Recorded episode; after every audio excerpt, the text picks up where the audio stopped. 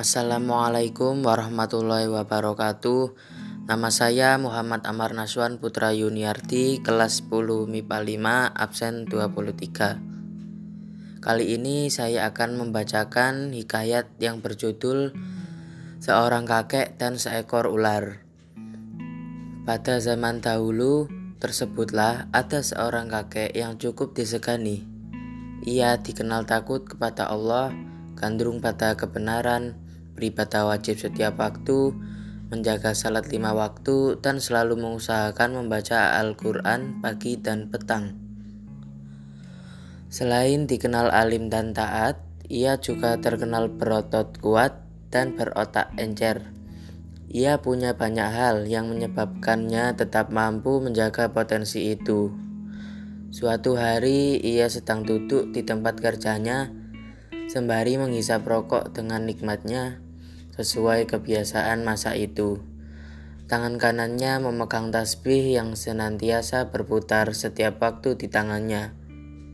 Tiba-tiba seekor ular besar menghampirinya dengan tergopoh-gopoh.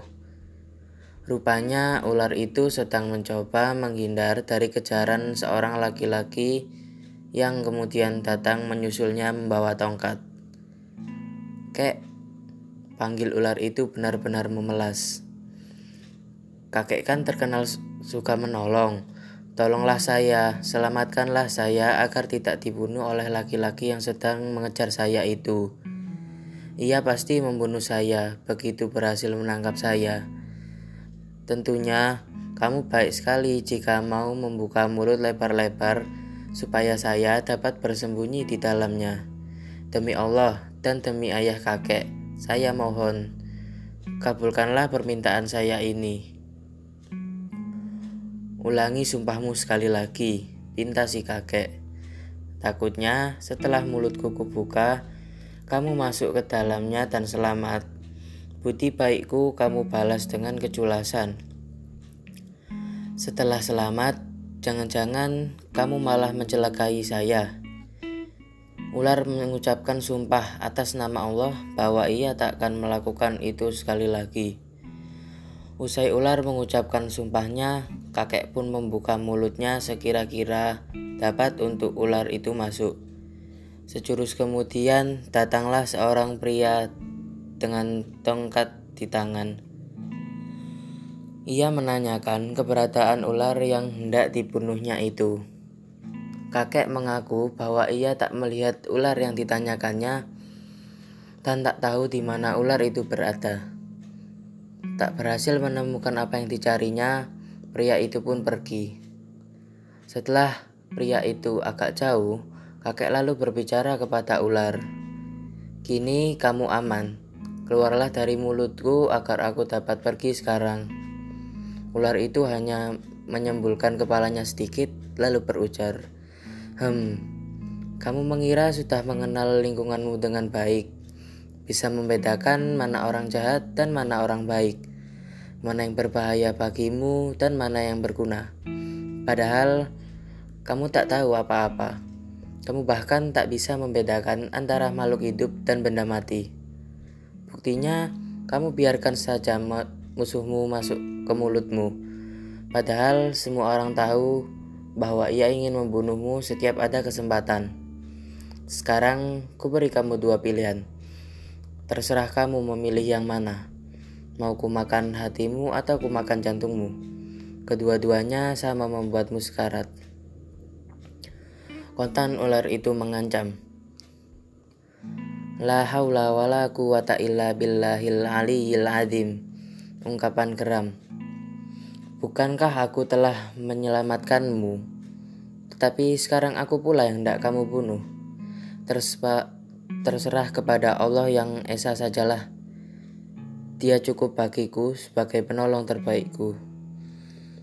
Sejurus kemudian kakek itu tampak terpaku, syok dengan kejadian yang tak pernah ia duga sebelumnya. Perbuatan baiknya berbuah penyesalan. Kakek itu akhirnya kembali bersuara. Sepecat apa pun kamu, tentu kamu belum lupa pada sambutanku yang bersahabat. Sebelum kamu benar-benar membunuhku, izinkan aku pergi ke suatu tempat yang lapang. Di sana ada sebatang pohon tempatku biasa berteduh. Aku ingin mati di sana supaya jauh dari keluargaku. Ular mengabulkan permintaannya. Namun di dalam hatinya orang orang tua itu berharap, "Oh, andai Tuhan mengirim orang pandai yang dapat mengeluarkan ular jahat ini dan menyelamatkanku." Setelah sampai dan bernaung di bawah pohon yang dituju, ia berujar pada sang ular. Silahkan, lakukanlah keinginanmu, laksanakanlah rencanamu, bunuhlah aku seperti yang kamu inginkan. Tiba-tiba ia mendengar sebuah suara yang mengalun merdu tertuju padanya. Wahai kakek yang baik budi, penyantun dan pemurah. Wahai orang yang baik rekam jejaknya, ketulusan dan niat hatimu yang suci telah menyebabkan musuhmu dapat masuk ke dalam tubuhmu. Sedangkan kamu tak punya cara untuk mengeluarkannya kembali.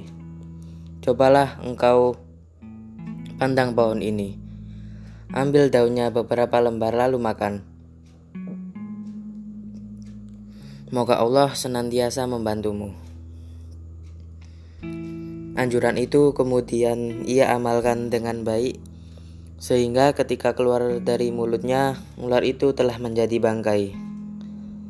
Maka bebas dan selamatlah kakek itu dari bahaya musuh yang mengancam hidupnya.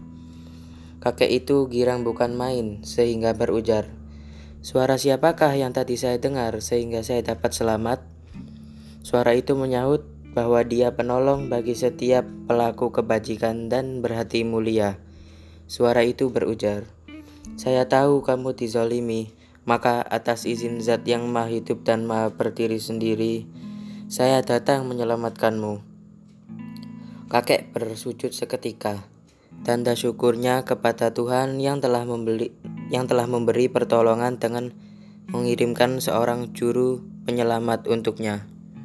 Sekian dari saya. Wassalamualaikum warahmatullahi wabarakatuh.